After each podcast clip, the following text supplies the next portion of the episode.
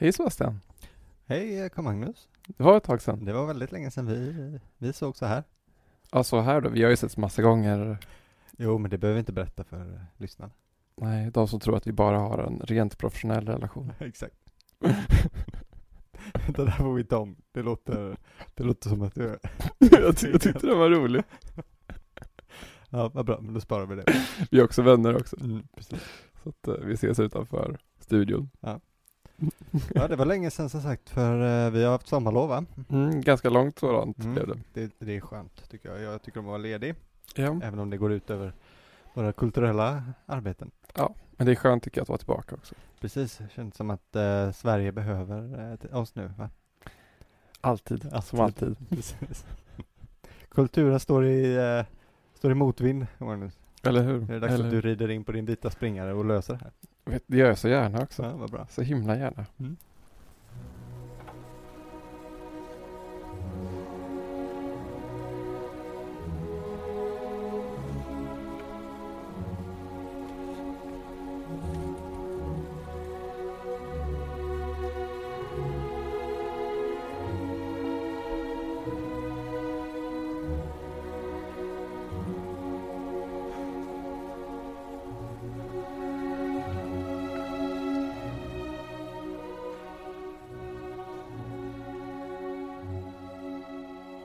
Så att ja, välkommen till Alla Tiders Podcast.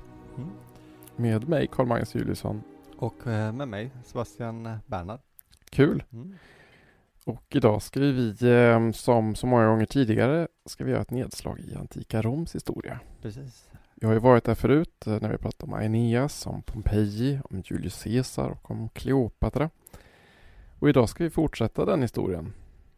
Ja, alltså det blir en, eh, vi har ju skapat en följetong, har vi inte det? Ja men precis, att man, eh, man kan ju köra alla i den ordningen om man eh, tycker det är kul. Ja. Uppmärksamma lyssnare kanske märker att ungefär vart tionde avsnitt är ett specialavsnitt. Ja men precis, vi vill inte skölja över med alldeles för mycket Rom, även om det blir väldigt lätt så, tyvärr, Ja, faktiskt. från vårt håll. Mm. Japp, så nu ska vi prata om den första kejsaren då, Augustus.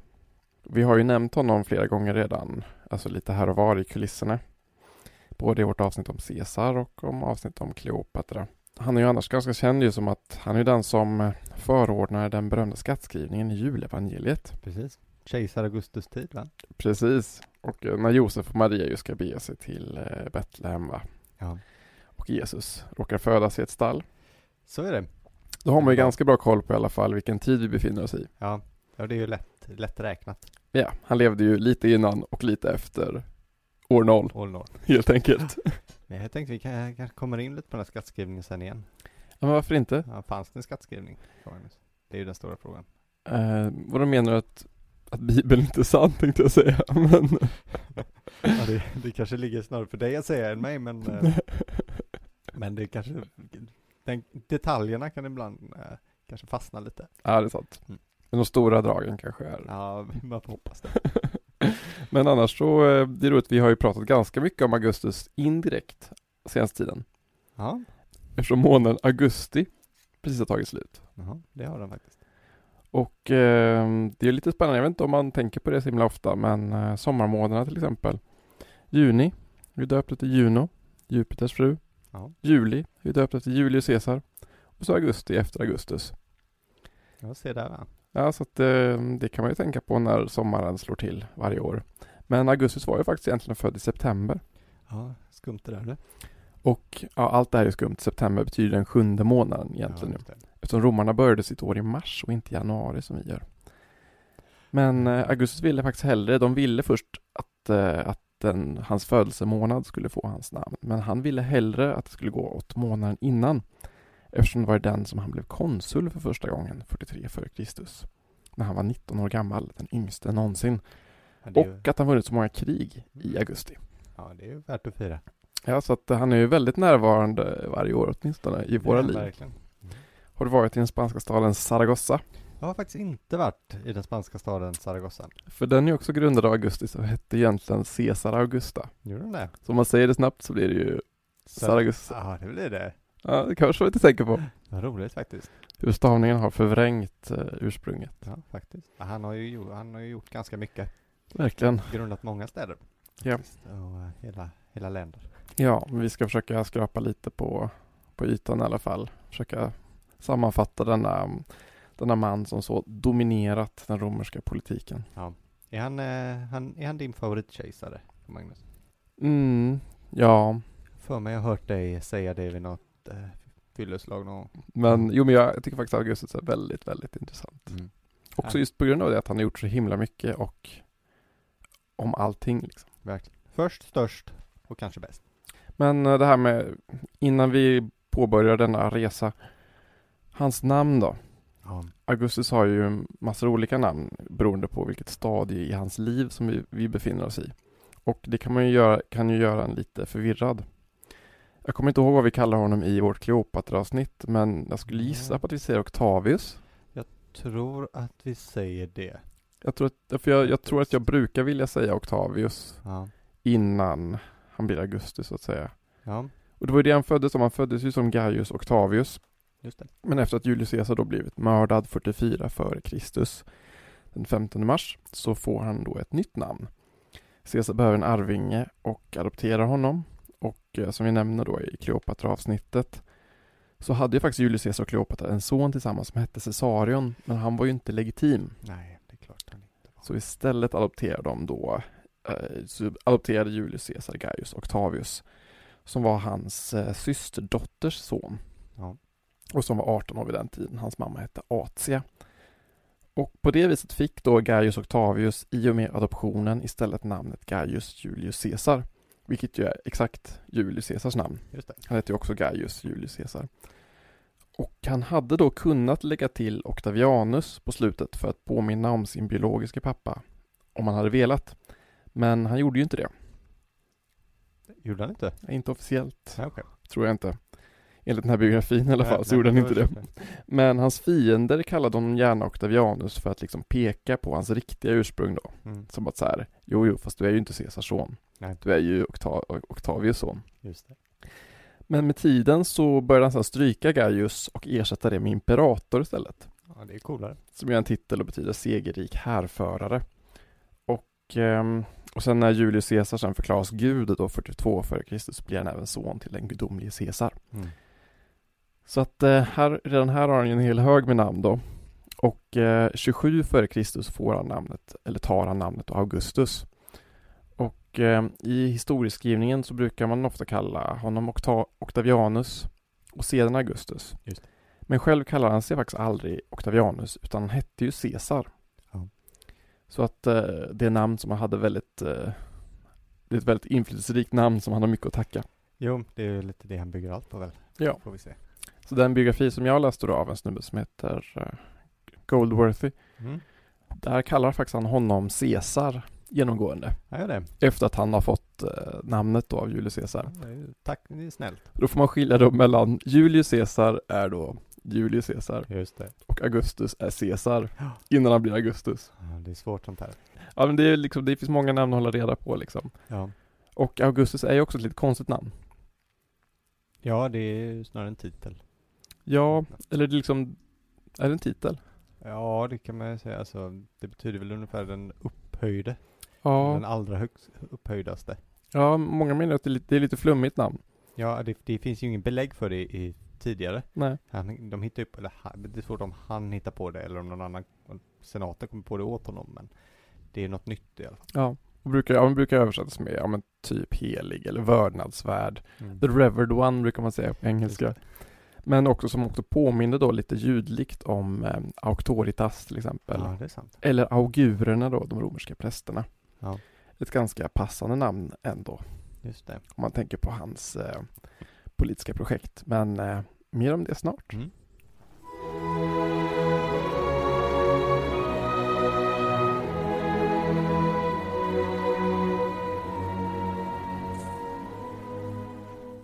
Så här beskriver eh, han själv sin uh, karriärs inledning. När jag var 19 år gammal samlade jag ihop en armé med egna medel och på eget bevåg och med den räddade jag republiken från de politiska stridigheterna. Ja, eh, det här kommer från en text som heter Res Gestai, som är ett eh, monumentalt inskrift som eh, spreds över hela det romerska riket. Typ. Mm. Och jag tycker att den sammanfattar väl ganska väl den bild av Augustus man lätt får. Mm. Man kan fortfarande läsa det idag. Ja, det kan man göra i Rom till exempel. Ett, eh, detta gigantiska CV kan man nästan kalla det. Det brukar, ja, brukar väl framhållas som världens största CV. Enligt Theodor Mommsen, som är kanske antikstudiernas fader, så är det, det, det världens främsta epigrafiska verk. mm. Det kan man ju verkligen se, det är väldigt stort. Ja, det är ju väldigt, väldigt stort. Och brukar skrivas eh, både på latin och grekiska. Beroende på vad de pratar där man, där man Mm. skriver upp det helt enkelt. Men, ska vi börja från början? Ja, men det är väl en bra ställe att börja på. Mm, man får backa bandet. Då mannen som skulle komma att kallas Augustus hette ju då, som du sa från början, eh, Gaius Octavius. Han föddes som sagt i september, närmare bestämt den 23 september, år 63 f.Kr.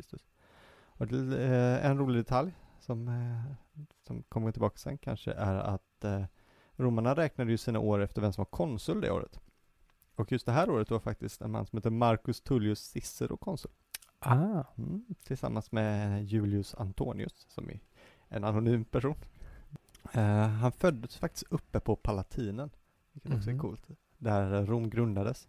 Så att, eh, det är väl också ett eh, järtecken kanske. Ja, väldigt symboliskt. Ja, han trodde ju själv väldigt mycket på sådana här järtecken och skrock och sånt där. Mm. Eh, och hans biologiska far hette såklart också Gaius Octavius, för romarna hette alltid samma sak. Och han kom, eh, alltså, han, de kom från en rik familj, från riddarståndet, mellanskiktet i Roms eh, sociala värld. De hade någon gång varit senatorklass, men hade fallit ner under tiden och sånt där. Lite som eh, Julius Caesars familj. Eh, men hans far var då en, alltså en novus homo, som man säger, den första i sin släkt i senaten. Och eh, han hade också en hel del militära framgångar faktiskt. Eh, bland annat slog han antagligen ner rester av Spartacus och, kanske Katalinas eh, uppror. Jaha, Två stora uppror. hans farsa gjorde det? Mm. Okej. Därav fick faktiskt Octavius ett namn som man inte brukar skriva med så ofta, men det kallades för Turinus Mm. ibland i början. Därför att hans pappa hade segrat då i ett ställe som heter Turini. Ah, ja. Men hans pappa dog när han bara var fyra år gammal. Så att han fick ju växa upp först tillsammans med sin mamma. Som hette Attia, som du sa, eller Atia. Atia Balba Kaisonia. Och hon var då systerdotter till Julius Caesar. Mm. Så det är så de är släkt. Eh, Och då i serien Rome, för de som har sett den, så har hon ju en framträdande roll som en skandaldrottning. Ja. Men det vet jag, det har de väl hittat på för att ge karaktären lite mer substans kanske. Att de, det finns inte belagt. Nej, tvärtom säger då Tacitus, som visserligen levde 200 år senare, att hon ska ha varit den perfekta romerska kvinnan. Mhm. Mm. Inleds inte första avsnittet av Rome med att hon ligger med någon? Jo. Är det Marcus Antonius? Nej. Ja, jag vet inte om hon gör det redan i början, men Nej. någon eller, Jo, men det är det nog kanske. Nej, hon ligger med någon hästhandlare, kommer jag på sen. Ah, ja. Den här tjocka killen. Eh, nej, hon ska ha varit strikt religiös och moralisk som attan. Och eh, sett till att uppfostra sin son ordentligt som en romersk mor ska göra. Men hon var ju tvungen att gifta om sig. Romerska kvinnor kunde ju inte gå ogifta. Så hon gifte med sig med en man som heter Philippus. Som han var framstående, han var konsul liksom. Eh, Men han tyckte, verkligen inte tyckte om Octavius då. Så då skickades han till sin mamma. Så han växte alltså då upp med sin eh, mormor Julia. Så, och då kan han ha varit lite närmare Caesar eftersom det var Caesars syster. Mm. För det här kommer då kanske till frågan varför just Octavius får ta över. När man fyllde 16 så blev man myndig i Rom och det är då hans liv i det offentliga börjar. Och det är då vi börjar få lite mer eh, kött på benen än vad han höll på med. Och då sökte han prästämbete. Det var vanligt att man gjorde. Eh, och sen ville han såklart följa med Caesar på alla hans fälttåg och inbördeskriget som höll på just då. Eh, men det sa hans mamma nej till först. Så det fick han inte. Eh, Så att det är inte så som det också ibland framhölls, nu kommer Rome igen här, som att han var lite sån här tillbakadragen person som inte ville hålla på med krig och sådär, att han var mer av ett läshuvud. Eh, Utan det verkar som att han bromsade på att han skulle få åka till den grad att han till slut fick det, trots alla protester. Men då är det så att hans skepp hamnade i sjönöd på vägen och han blåste in i fientligt territorium. Aj fan. Mm. På något sätt, man vet inte riktigt var, hur, lyckades han dock ta sig igenom det. Det beskrivs som själv, man hade antagligen någon sorts entourage med sig. För romerska Rika människor var aldrig ensamma riktigt. Eh, men i alla fall, det är i vilket fall som jag ser det ganska imponerande av en ung pojke att liksom, eh, gå igenom den här vildmarken som dessutom är utströdd med fiender. Så det här är många som menar att det här ska verkligen imponera på Caesar. Och kanske är det ögonblick då han bestämmer sig för att eh, just Octavius är en passande efterträdare. Okej. Det är också för man tror att det var nu han ändrade sitt testamente. Mm. Olika källor ser lite olika men att folk är ibland lite förvånade över att eh, just Octavius fick ärva honom. Att det var inte givet på något vis eller eh, Nej. Men typ Marcus Antonius eh, menar ju att eh, anledningen att han fick ärva var för att de hade, mm, ja, vissa relationer med varandra då så att säga. Intimare relationer än vad som kanske är passande för en morbror Ja. eller slash mormor Känns också som att det är typiskt Marcus Antonius att säga så saker. Ja. faktiskt. Han är också rolig. Han är väldigt rolig faktiskt. Som vi pratade om i vårt Kleopatra-avsnitt Ja. så är han ju väldigt likable Ja. sätt. En favorit faktiskt. Mm, nej, han, eh, han kanske inte var så glad över just det här. Nej. Kan man tänka för att han trodde nog att han skulle bli den självklara efterträdaren till Caesar. Ja. Det är lite oklart varför en 16-årig pojke får ärva världens mäktigaste mans hela namn och förmögenhet. ja. Det är sånt som inte brukar hända. Nej, nej verkligen inte. Och det är inte ofta att det slutar så väl heller kanske. Nej. Som tur är så var det ju en lite annorlunda tonåring den här gången. Mycket. Eh, För han, nu var han då 18 när Caesar eh, mördades, 44 för Kristus. Och då var han på eh, utbildning i en stad som heter Apollonia. Den låg i det som heter Illyrien då, men idag är det Albanien. Och istället för att gömma sig, som alla sa åt honom att göra, nu måste du gömma dig. Du Ja, folk trodde att han skulle, de skulle ge sig på honom också då. Ja, precis. De kommer ju mörda dig. Så seglade han direkt mot Rom istället. Mm. Och direkt då på vägen mot Rom, eh, på resan genom Italien, för han landade i syd, så började han samla till sig Rom, eh, Caesars gamla följeslagare, legionerna som finns utspridda av legionärerna. Och han, det här gick förvånansvärt väl faktiskt. Namn var, kunde vara väldigt viktigt i Rom. Man la väldigt stor vikt vid familjesamhörighet och även adoptioner räknades ju. Så att även om många gick till Marcus Antonius från det Caesarianska partiet så var det också en hel del som sa att nej men jag vill, jag vill gå med Caesars riktiga son. Mm. Eh, och det gjorde att han, och att han då kunde hävda sin position som ledaren över det här. Och Marcus Antonius, han förlorade ju ganska snabbt anseende bland Caesarföljarna. Han var ju, han hade ju varit militär, han hade ju varit med på alla fältslag. Man, man tycker att han borde ju kunna klara av det här, en liten pojke som kommer och ska hävda det, men det gick så dåligt. Han, eh, han motsatte sig till exempel att Caesar skulle förklara sig Gud tidigt. Och det här verkar också verkar ha varit viktigt för det. Då blev folk besvikna, vilken svikare. Mm. Men det, nog, han hade ju ett spel att spela med mör- Caesarmördarna, Brutus och Cassius. Och även senatspartiet och sådär. Han kunde kanske inte göra vad som helst för då låg han illa till. Ja. Ja, det gällde att behålla den här väldigt sköra freden som fanns. Men det som verkar ha retat upp allra mest var väl det att han blo- försökte blockera, eller han faktiskt också blockerade att Caesars pengar skulle gå till Octavius. Så Octavius fick inga pengar till att börja med. Han kunde bara gå på namnet. Så han fick börja ge ut lån. Mhm. Eh, och Marcus Antonius gjorde sig också, som vi pratade om, ovän med alla. Även mördarna till Caesar. Ingen gillade honom. Han var, han var en drummel. Ja. Han var bra på att festa men han var inte så politisk. Så han får fly norrut. Vi ska inte dra inbördeskriget igen där, för det har vi redan gjort. Men det som, det som händer här är ju lite roligt då. Att då har ju Marcus Antonius dratt med en armé. Rom har ingen armé nu. Senaten står där utan armé. Marcus Antonius säger jag kommer tillbaka och då ska ni få se era jävlar. Det finns bara en person som har en armé. Och det är ju Octav, eh, Octavianus som vi kallar honom ofta här. Eller Mm. Caesar då. Så då måste eh, senaten ledd av Cicero gå till honom och be om hjälp faktiskt. Till en 18-årig pojke. Ja, precis. Som dessutom ju menar att de alla är mördare. Ja. Och han ställer ju så, så snällt upp mot löftet att få bli konsul. Och drar norrut för att eh, besegra Antonius, vilket han gör, behöver inte gå in på så mycket. Men då händer någonting ännu konstigare. För att eh, även om eh, de precis har slagits och fightats med varandra så träffas Marcus Antonius och Octavianus och en tredje kille som heter Lepidus, som ingen bryr sig om, i en stad som heter Bologna. Den heter fortfarande Bologna.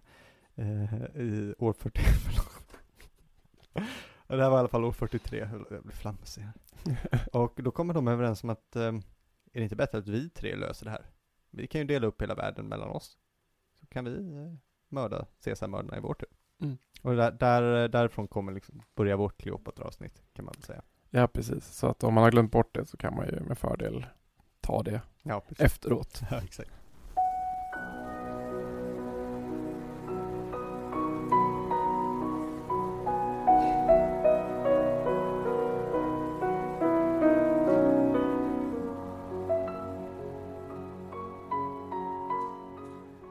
Ja, men hur var Augustus då som, eh, som just politisk ledare? Jo, vi kommer komma in lite på det um, flera gånger under eh, avsnittets gång. För han är lite svårförståelig. Han har liksom åtminstone två olika ansikten som, som skiljer sig åt. Liksom. Det ena när han var ung då, att han var väldigt skandalös och sadistisk som ung.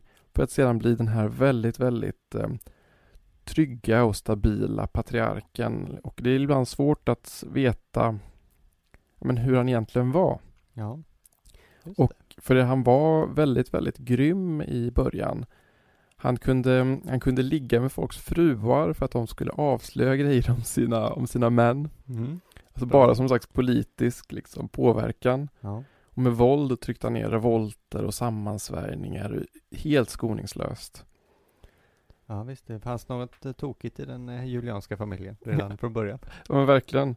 Och, eh, och det här triumviratet då mellan, mellan ja, Caesar då, eller Augustus, Mm. eller Octavius och Lepidus och Antonius. De, det börjar ju väldigt, väldigt grymt också. Ja, de behöver ju pengar då. Som sagt, och de har massa fiender. Och då har, har romarna en check lösning på det. Något som kallas för proskription. Och det betyder att man förklarar någon eh, statsfiende. Och eh, då, då, man behöver inte mörda dem själv. Man, man gör ofta det i och för sig. Men grejen är vem som helst får mörda dem. Och deras egendom går till staten. Det Mm. vill säga de här personerna. Ett mer eh, rimligt, eh, lättförståeligt namn på en proskription är egentligen dödslista, Faktiskt. kan man säga. Det är Liksom. ju det De- det betyder också. Alltså proskriber är ju att skriva på. Ja, precis. Och eh, det sägs att det, ska, att det var uppåt 2000 namn på den här dödslistan som de sammanställde. Det är många. Och eh, alltså det är lite spännande, jag såg den här Putin-dokumentären på SVT. Ja, okej. Gjorde du det? Nej, jag har inte sett den. Men där pratas det om att, att eh, Putin skulle ha en dödslista. Ja. Och många menar ju att de här morden på Boris Berezovsky och Alexander Litvinenko och Anna Politkovskaja, Ja. Att de, eh, alltså att morden på dem skulle vara enligt en viss dödslista, menar de i den här dokumentären då. Så det är verkligen ehm, ancient eh, methods som man får säga så. Verkligen. Ja, får vi inte säga för mycket här. Nej, Kanske Emil Novichuk i hela studion. Ja, det vore lite tråkigt. Men, ehm, och, och en, alltså en anledning varför de, varför de här proskriptionerna blir ganska viktiga, det är ju att de vill ju inte göra om Julius Caesars misstag. Nej. För att? Caesar var ju känd för att skona folk, men och så blev han också mördad av en som han hade skonat. För Brutus hade ju stridit mot Caesar på Pompejus sida Ja. och blivit benådad eftersom att Caesar tyckte det var ett sätt att göra folk beroende av honom. Just det. Den här tacksamhetsskulden som, eh, som byggdes upp. Och tacken för det var ju då att eh, de dödade honom. Ja, vilken jävla Judas alltså. Ja. Kul att säga att Brutus är en Judas. och ehm, så den här gången tyckte de då, men nu den här gången ska alla motståndare dö för att eh, nu ska det inte bli någon den här typen av eh, déjà vu liksom så att säga. Nej, precis. Och en lite kul grej i sig att Antonius då, han ska ha tagit emot en del mutor för att inte döda vissa. Typiskt Antonius. Men vissa män benådade han om han fick ligga med deras fruar. Ja. ja kan man så, så gör man väl. Typiskt eh, Marcus Antonius också. Verkligen. De höll ju någon sorts överläggning då om vilka de skulle, skulle mörda och det kunde ju gå rätt nära. Det familj till fruar och sånt där strök väl också med. Mm. Den kändaste som eh, åkte dit är ju såklart eh, tidigare nämnda Cicero. Han som var konsul då. Filosof och eh, talare också. Och kanske en av antikens bästa människor. Ja, och mest kända och mest inflytelserika kanske romare av alla egentligen. Ja, faktiskt. Och det, han fick ett sånt här slut då, och det hade ju väldigt mycket att göra hans långa tal mot Marcus Antonius. Sina så kallade filippiska tal. Som var modellerade på talen mot Alexander Stores pappa. Eh, Och det är klart att Marcus Antonius, som inte hade så lätt att kontrollera sina aggressiva känslor, skulle, skulle inte låta det här gå. Nej, Nej, sen var han ju en stor ledare för senatspartiet också. Han var ju en, eh, vad ska man säga, en republikan ute i märgen också. Exakt. Och gillade ju aldrig Caesar heller och hans eh, diktatoriska anspråk, om man ska säga. Nej, precis. Så då lät de mörda honom och såklart så högg de av honom händerna också och lät spika upp dem på senathusets dörrar. Och så högg de ju av hans huvud Ja, det gjorde de. och eh, Marcus Antonius fru som heter Fulvia ju satt, stack, stack ju också en sån här klädnål rakt genom hans tunga. Just det. Som att, eh, för att eh, Cicero hade ju en väldigt Skarpt. talför och skarp tunga som var, ja men var, han var syrlig. Just det. Så att, eh, och då satte hon ehm, en sista spik i den tungan så att som aldrig mer skulle kunna håna någon eller sätta någon på plats. Exakt. Så, så betedde de sig på den tiden. Men eh, efter ett tag i alla fall så blir ju Octavius eller Caesar eller Augustus då den eh, en, den enda som bestämde då, kejsaren då, fast eh, även om han inte kallades kejsare då. Och den som skulle kontrollera allting. Och eh, i mer än 50 år liksom, så dominerade ju han sen romersk politik som skulle komma. Han styrde Rom i 12 år tillsammans med Marcus Antonius och sedan 44 år själv fram till sin död 14 efter Kristus. Det är otroligt länge faktiskt. Ja, och eh, ingen har ju, ingen, har, ingen annan kejsare eller ledare i Rom har ju regerat eh, längre än han faktiskt. Nej, det är sant. Och han lyckades också skapa då stabilitet då efter många år av inbördeskrig och politiska maktkamper. Hans eh, favorituttryck som ledare var ju skynda långsamt. Mhm. Jag kan tänka mig att du tycker om komedi. Ja, det tycker jag. Man ska ha tålamod, det är väldigt viktigt. Och eh, framförallt om man håller på med saker som vi gör så är tålamod en dygd. Och, eh, och han skulle också bli den som mer eller mindre definierade vad som skulle vara romersk kultur, identitet och även hur staden Rom skulle komma att se ut. Och för detta så fick han bland annat också titeln då fosterlandets fader, alltså pater patriae. Ja, det.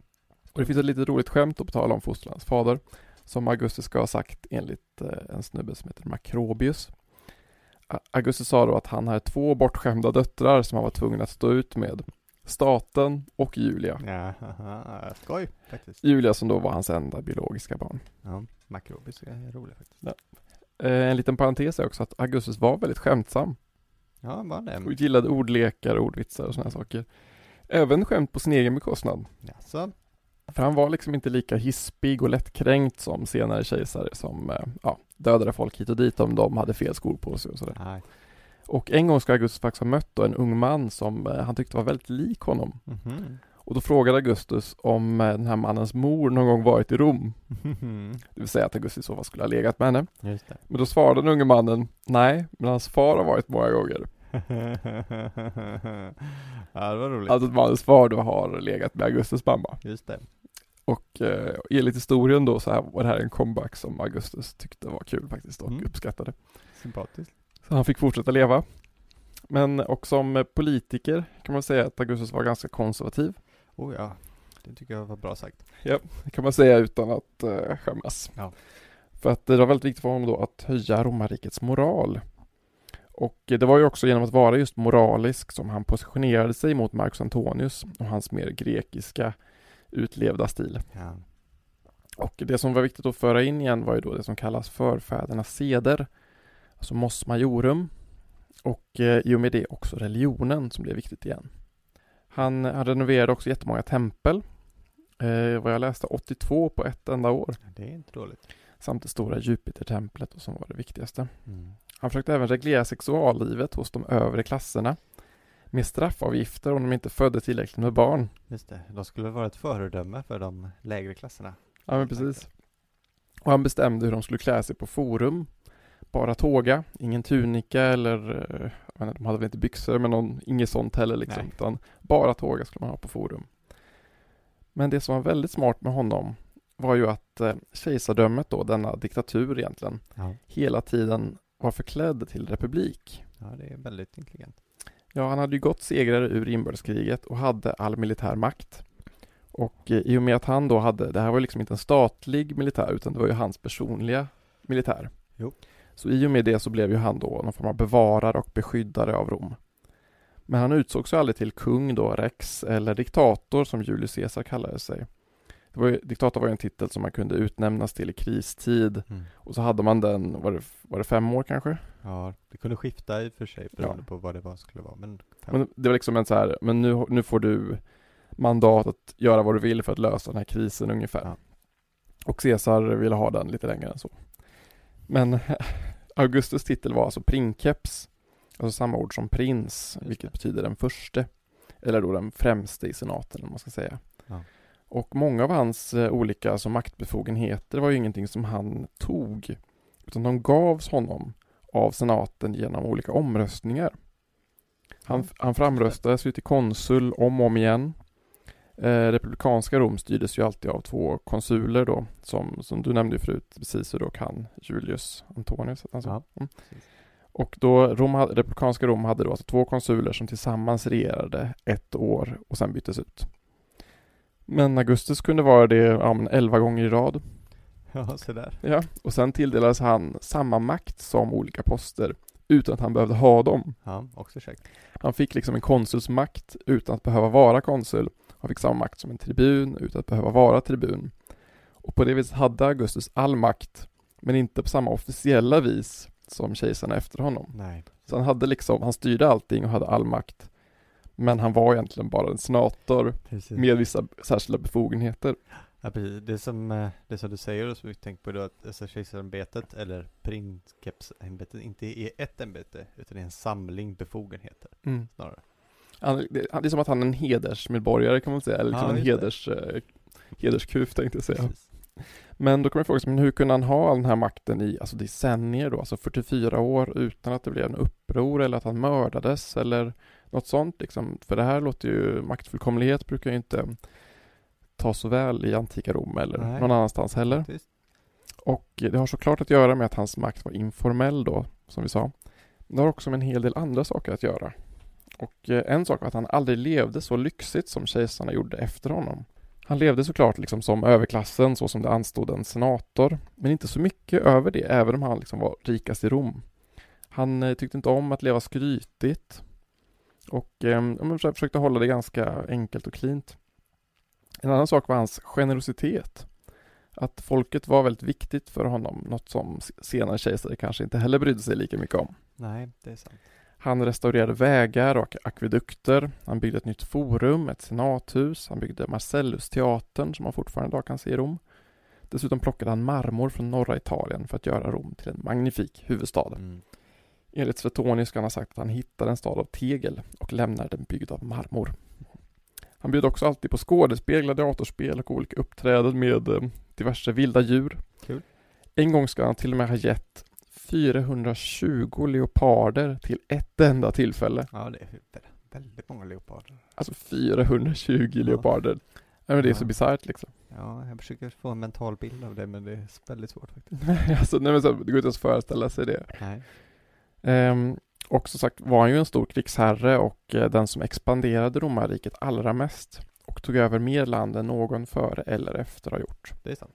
Även om han gjorde det oftast indirekt, så han ledde oftast inte arméerna. Nej, okej. Som Julius Caesar gjorde. Han gjorde det vid två tillfällen. Men annars så, han hälsade ofta på, men han lät någon annan sköta själva krigandet. Ja, ja, ja. Det var han som eh, såg till att det hände. Han levde väl länge på sina gamla meriter. Ja, det gjorde han ju. Alltså han fick ju äran också för det såklart. Det var ju han som var imperator, Mm. befälhavare. Men eh, varför åka dit när man kan stanna hemma? En rolig grej också att Suetonius har också sagt att han ehm, han, han aldrig börjat ett krig utan en rättfärdig och tvingande anledning. Nej, det är fint sagt. Så han tog över jävligt mycket men alltid befogat. Precis, de där eh, schweizarna de har det. Exakt. Mm. Så att, och han gjorde, men framförallt då det viktigaste var ju det att eh, romarriket var ju lite tidigare som en mosaik kan man säga av olika stater. Och att han då faktiskt gjorde det till ett enhetligt rike på ett sätt som det inte var innan. Nej, just det. Och romarriket var ju extremt stort då liksom under hans styre. Man fråga sig, men hur, hur kunde han liksom få romarriket att kännas enhetligt? Och det här är också en väldigt viktig uppfinning av Augustus och eh, som man sen kan se hos nästan alla framträdande maktpersonligheter, alltså som Napoleon eller Lud- Ludvig XIV eller Charles de Gaulle. Ja. Alltså genom att bygga en offentlig persona som Mm. liksom personifierar en hel anda, ett helt land, ett helt folk liksom Just helt det. själv. Denna person hade kanske inte nödvändigtvis jättemycket med honom själv att göra, utan liksom var en bild som skulle förmedlas och som skulle personifiera och samla liksom det nya Rom. Ja. Och detta gjorde han bland annat genom att avbildas överallt. Mm, det. Det finns mycket, många statyer och byster alltså. Ja, det finns många museum där. det finns ju ingen romare som avbildas lika mycket som Augustus. Ja. Han har ett säreget utseende också. Verkligen. Och liksom han fanns då, liksom, han fanns på mynt, han fanns på stora statyer på torg och i tempel, han fanns på ringar, han fanns på matserviser till och med. Mm, kul. Och jag tror att enligt Mary Beard har man hittat i alla fall 250 statyer på honom från Spanien till Turkiet och hela vägen till Sudan. Mhm. Så hela riket skulle liksom se sin herre och eh, känna hans eh, alltså, närvaro. Ja, det är smart. Men hur, ja, men hur såg den här närvaron ut då? Hur tedde han sig för folket? Jo, alltid ung, alltid starkt idealiserad och stiliserad med lockigt hår då som påminde om Alexander den store och Apollon. Och antingen i re- religiös dräkt eller i krigsuniform. Och han är ju väldigt snygg på sina statyer. Jo, får jag säga. Faktiskt. Alltså, ja men snyggare än de flesta skulle jag säga. Mm. Och även när han var över 70 så porträttades han alltså exakt på samma vis Ja. som eh, väldigt ung och väldigt, väldigt stilig. Just Han, det. det. här porträttet förändras inte. Och det är, det är väldigt tacksamt om man går på museer och, och eh, ser statyer av Augustus. Man känner alltid igen honom. Ja, det är bra. Även om, de liksom, även om det kan vara 30 år mellan dem så ser han exakt likadan ut. Och det här är ju något helt annat än tidigare stora romare som Caesar eller Cicero eller Cato som det finns ju jättefå avbildningar av.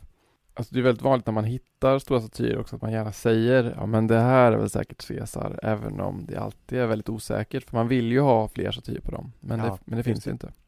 Och att det här också funkade för Augustus det vet vi eftersom att det här var ju en blomstrande, expanderande och rätt så fredlig tid i Roms historia. Mhm, Och det det. eh, en tid också när medborgarna ökade enligt den här Res Gestae då som du eh, citerade innan så eh, var det 4 063 000 medborgare och år 14 före Kristus 4 937 000. Mm. Det är ganska många och då vet vi inte om det bara är män de räknar eller om det även är kvinnor och barn med. Nej, just det. Är det bara män så är befolkningen betydligt högre. Just det. Och en annan sak som också är viktig att eh, poängtera det är ju att även om Augustus då hade all militär makt så var det här inte någon militärdiktatur så som man tänker på kanske om, ja, på 1900-talet. Mm. Liksom också man kanske skulle kunna tro då eftersom att det var sån ja, kontroll men eh, det gick liksom inte runt en massa soldater på stan och höll ordning utan soldaterna höll till och bodde en bit utanför Rom då förutom Augustus då lilla privata vaktstyrka då. Ja, nej, han var ju otroligt populär också. Ehm, inte minst hos eh, det vanliga folket, plebejerna som de kallas. Och det är till och med så att vi, vissa, vid ett tillfälle gjorde de till exempel upplopp i staden Rom. Därför att de misstänkte att senaten försökte motarbeta Augustus. Försökte ta ifrån honom lite makt. Hej då. Vilket ju är, låter lite ovanligt kanske. Ja. Eh, och när det blev hungersnöd i Rom, eh, det hände ett par gånger under hans eh, tid vid makten, då var det så att plebejerna, eh, de gjorde upplopp då, som de ofta gjorde, och så tyckte makthavarna inte skötte sig. Men då var det just Augustus, tyckte de skulle få mer makt. Att han skulle, de försökte få honom att bli diktator. Eh, vilket han ändå tackade nej till.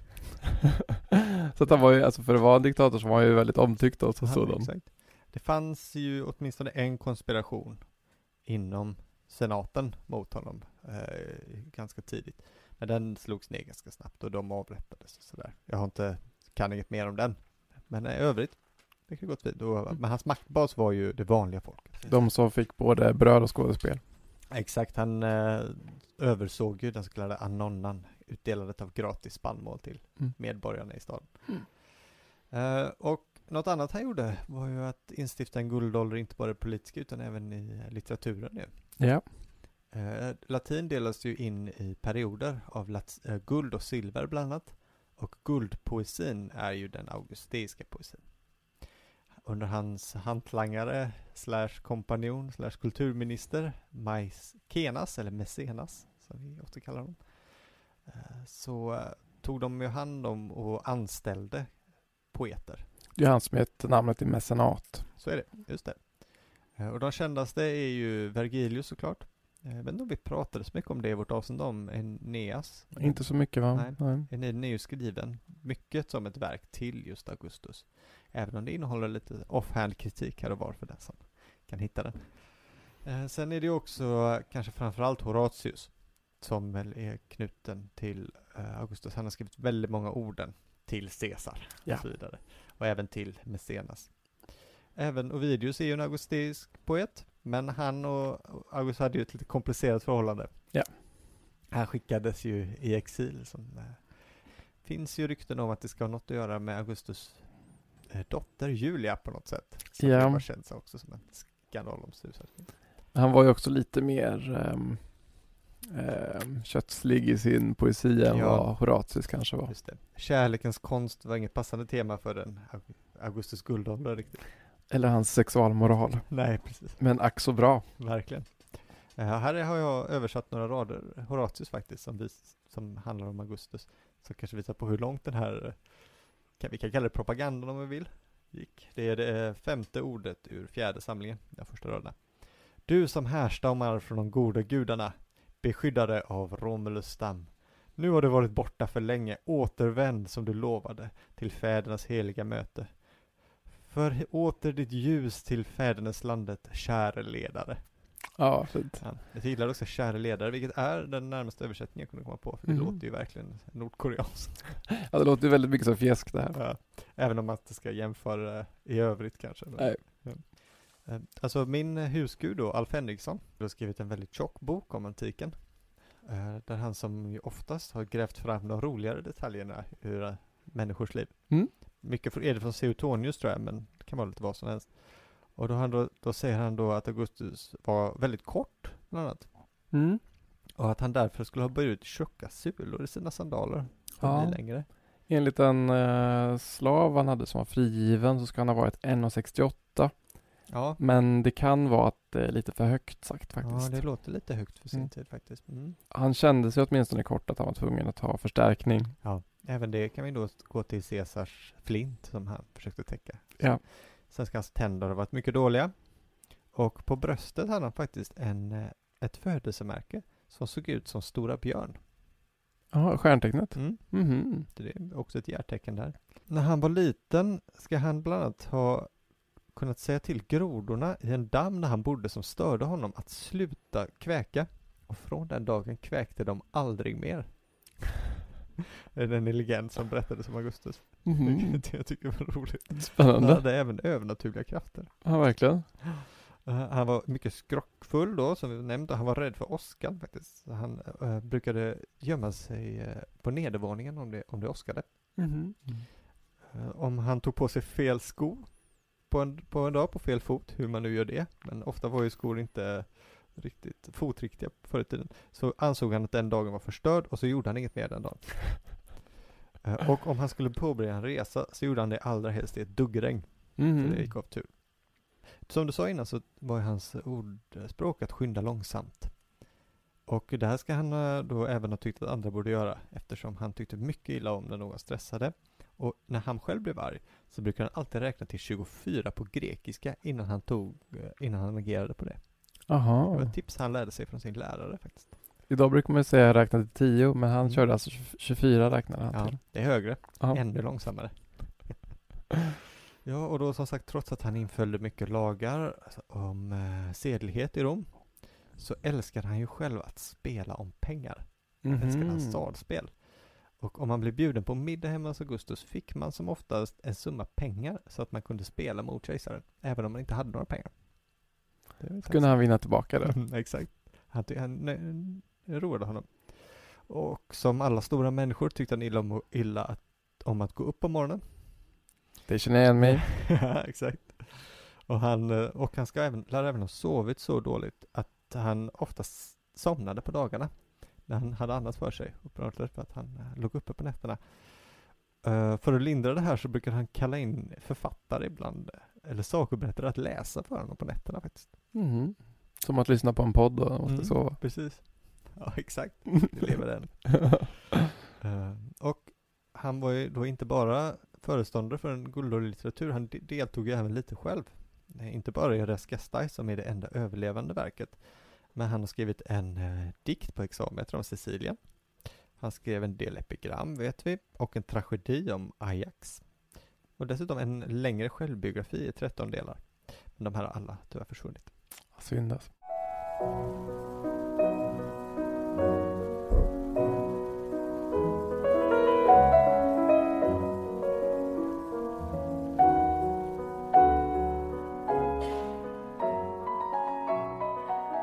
Ja, men jag har då valt, eh, alltså för att eh, så här, ännu tydligare visa hur hans, eh, alltså hur, denna, hur hans persona byggdes upp och den propaganda som han då, alltså propaganda låter väldigt negativt idag, men alltså, ja, men propaganda i en bred märkelse. Ja. Hur den, liksom, hur han konstruerade sin offentlighet. Så jag har valt en av hans kanske mest kända byggnader, Mm. som heter Arapakis. Jag älskar det. Väldigt fin. Ett altare för fred då, betyder det, som senaten reste mellan år 13 och 9 före Kristus till Augustus ära, efter att han har återvänt från Gallien och Spanien. Som eh, fostrans fader och denna enmäktiga diktator har ju Augustus såklart influerat många senare i historien av eh, diktaturiska slag. Arapakis ska till exempel ha varit ett av Hitlers favoritmonument. Ja. Och Okej. det museum som omgärdar det idag är ju byggt av Mussolini som ju gärna tog hand om arvet efter antiken så att säga. Mm. Och att han kallades Il Duce kommer ju från Dux Augustus. Dux betyder ju ledare. Mm. Och fascismen är uppkallad efter Fasces, alltså det, det spöknippen runt eh, yxorna som var de romerska ämbetsmännens maktsymbol. Så att, eh, ja, så, här, så kan det gå. Men eh, tillbaka till Arapakis. Eh, att det är senaten som reser det här altaret och inte Augustus själv är ju ganska viktigt. För att eh, han, skulle, han får inte göra det här för sig själv för det känns ju lite egoboostigt. Ja, liksom. verkligen. Och intentionen bakom monumentet var då att symbolisera den nya tiden i den romerska historien. Alltså republikens förnyelse, alltså res publica restituta. Samt hylla sig själv och den romerska staten. Och eh, som vi sa innan så såg ju de, de i Rom fortfarande sig själva som en republik. Även om de hade en indirekt diktatur. Ja, det skulle de göra länge. Ja. Mycket längre än vad man borde. det är hyckleriet. Men, eh, och de religiösa ceremonierna blev därför väldigt viktiga då i, den här, i det här nya projektet då för det nya Rom. Och så gott som alla monument till Augustus ära har på ett eller annat sätt med religion att göra från och med 20 före Kristus och framåt. Både i stil och innehåll så refererar Arapakis till det förflutna, å ena sidan då. På utsidan kan man se två långa reliefer som föreställer en procession med Augustus i centrum. Där man ser olika prästämbeten med eh, tågan dragen upp över huvudet som betyder att de eh, höll på och ska offra. Stilen på Arapakis är klassisk och eh, ansikten är väldigt idealiserade då, precis som Augustus-statyerna. Och eh, svåra då att identifiera vilka det är som är med på, på bilden. Och det är alltså gjort i en gammal stil då med en återhållsam framtoning. Att man gillade idealiseringen av ansiktena det är för att det skulle ta fokus från personen i fråga. För att istället rikta ens uppmärksamhet mot ämbetet då, som de representerar. Alltså motsatsen då till det skrytiga och konkurrerande personkult som då kännetecknar den senare publiken. Men symbolspråket i Arapakis, liksom i Augustus propaganda generellt, syftar inte enbart till det förflutna såklart. Utan bakom prästerna följer den kejserliga familjen, vilket ska symbolisera trygghet och stabilitet i framtiden, alltså en säker och trygg efterkomma. Så vid sidan av religionen var det viktigt att stärka kärnfamiljen och att det föddes legitima barn. Även Augustus eget mausoleum, som ligger typ precis bredvid eh, Arapakis idag, eh, har en viktig plats då i att säkra den julianska klaudiska ättens symboliska roll för Rom. Alltså mausoleet är stort och ögonfallande och samtidigt tar det lite fokus då från individerna till förmån för den här ätten då, hela familjen. Yes. Arapakis har också attiraljer då på sig som har med skepp att göra. Stäv, aktersegel, roder och ankare. Vilket såklart ska, eh, som syftar till eh, vinnaren vid slaget av Actium då, det här Mm. båtkriget eller vad man ska säga. Den som vann det var ju Augustus då. Eftersom att han var trogen gudarna.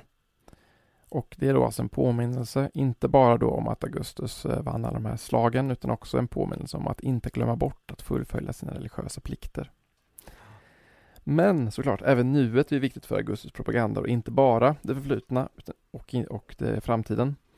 Rom har gått in i en ny tid, en ny guldålder, aurea aitas, av fred, fruktbarhet och överflöd. Och det illustrerar då eh, senaten då, eller Augustus med eh, en relief då som föreställer Tellus, en gudinna. Men det kan också vara Venus, Italia eller Pax, eller liksom en slags morf av alla de här gudinnorna på en gång. De har två barn i sin famn och frukt och, eh, i sitt knä och olika djur vid sina fötter. Frukt generellt då precis som ett oxhuvud, bukranium, signalerar alltså tack till gudarna och eh, gudarnas välsignelse. Annars är ju Augustus kanske vanligaste symbol vinrankan som både visar på fruktbarhet som på familj och stamtillhörighet. Sen på framsidan av våra packis kan man sedan se Aeneas då som vi pratade om i vårt, äh, ett avsnitt, några avsnitt sedan och Romulus då tillsammans med Mars och Faustulus vilka då ska eh, påminna om Augustus mytologiska härkomst. Och denna tematik då sätts i, liksom i eh, finns också med i Augustus eget forum då, alltså hans torg då, där han målar upp sig själv som ett mytologiskt, historiskt och religiöst släktträd.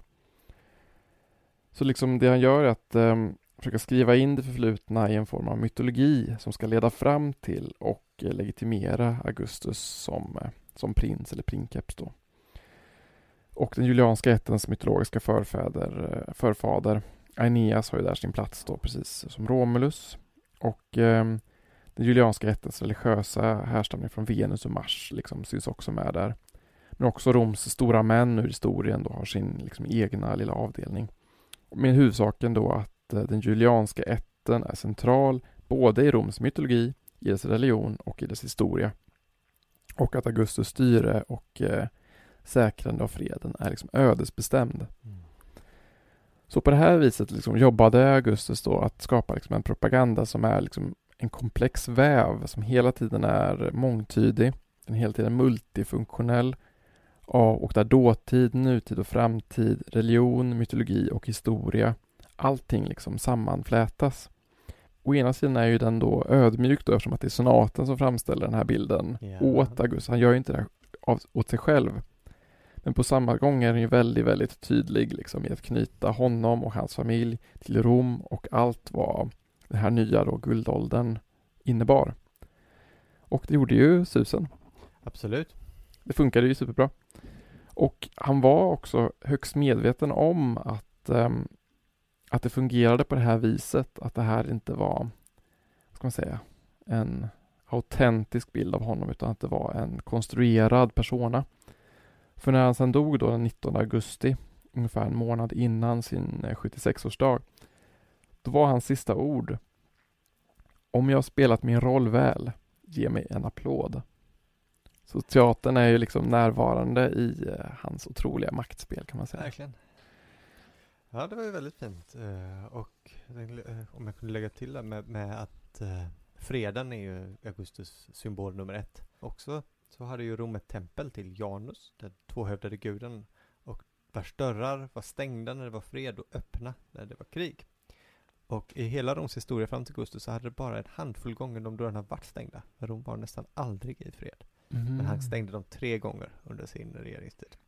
Det var ju den ultimata propagandasegern. Nu har han ju dött, Augustus. Men det tar ju inte slut eh, där, för det kommer nya kejsare.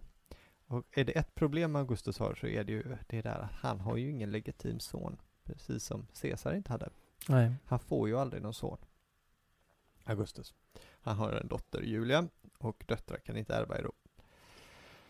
Ja, så han ska försöka lösa det här på, på, eh, på något sätt. Och nu är det så att, då, att han har ju en fru som heter Livia, eh, som inte är mamma till eh, Julia, dottern. Det är en annan fru. Det här är en riktig sån här, det är sån här modern bonusfamiljssituation liksom med hur många skilsmässor och, och extra barn och sådär som möjligt. Men Livia har ju i alla fall, hon har söner från ett, så hon har söner från ett tidigare äktenskap, bland annat då Tiberius. Och det, det är något Livia vill, så är det att Tiberius ska få ta över efter Augustus. Ja. Nu är det ju tyvärr så att eh, Augustus inte alls tycker om Tiberius, verkar det som. Rätta då om man med facit i hand så att säga. Ja, absolut. Tiberius var ju lite av en skit. Jo, faktiskt. Mm, så är det ju. Ja, vet inte om han på liksom storpolitiska var han väl okej, men han var ju en riktig, riktig äckelfarbror alltså. Ja. Vilken jävla snuskgubbe. Nej, så att han, han hade väl ett öga för människor. Så han försökte hitta andra kandidater och den första är en person som heter Marcellus då, som är hans systerson. Och eh, han är då den här teatern som vi nämnde som finns kvar i Rom döpt efter. Och han giftes bort med Julia för att ta över planet. Men helt plötsligt blev han sjuk en dag och avled bara 19 år gammal. Eh, och han var faktiskt den första att begravas i det här mausoleumet du nämnde. Så det var ju sorgligt. Hur kunde det, hur kunde det hända att han dog så plötsligt? Ja, mystiskt. Ja, då gifts ju sen Julia bort med Agrippa. Augustus här, högra hand, kan man säga. Han, han som hade vunnit hans slag om ofta åt honom och sådär. Uh, Agrippa var ju lika gammal som Augustus, så han var ju ingen bra efterträdare. Men deras söner däremot, Lucius och Gaius, de uppfostras till att ta över makten istället. Men Gaius dog mystiskt på uh, militäruppdrag i Armenien. Och Lucius blev sjuk en dag i Marseille och, och uh, coola vippen. Båda väldigt unga. Jävla osis. Ja, faktiskt. Sen var det så också att Augustus gillade Drusus, Livias andra son, så Tiberius lillebror. Uh, och tänkte att, men han är ju, han är ju bättre än sin storebror. Han är en riktig härförare. Han är, han är trevlig och, och folk gillar honom. Men även han dör mystiskt. Fan. så fort han lyfts fram. Och då är det sådär att alla har ju, har ju riktat fingern på en person som skyldig till de här. Vem kan det vara? Ja, det är ju Livia. Hon är, det, det är något hon är känd för så är det ju att Livia dödade alla, som teorin lyder. Att alla, hon mördade allihop helt enkelt. Med gift. Med gift, ja. Många moderna forskare kanske frågar sig lite om det här verkligen kan stämma. Eh, Folk dog ju faktiskt ofta förr i tiden av sjukdomar. Ja. Och skulle Augustus inte märkt någonting om hans fru Giftmördade alla. Giftmördade alla omkring honom. Men vem vet, jag föredrar, jag föredrar ju myten. Och gillar att tänka att det var Livia som faktiskt mördade alla. För att eh, Tiberius då skulle få ta över makten. För till slut är det ju bara Tiberius kvar. Mm. Det är ju det. Man får, man får jobba på mängd där. Vad ska man göra här? Alltså Augustus måste erkänna honom som efterträdare trots att han är en sån jävla skitstövel. På den vägen går det helt enkelt. Jag tycker det är ett lite sorgligt slut faktiskt Mm. nästan. Till, Augustus dog ju då och även här tror ju många att det kan vara Livia. För att när då han erkänner Tiberius som, som sin efterträdare, då finns det ju ingen poäng att ha kvar Augustus. I Nej. varje dag han lever är ju en ny dag att ändra sig. Så att då ska hon ju då ha smörjt hans fikon med gift.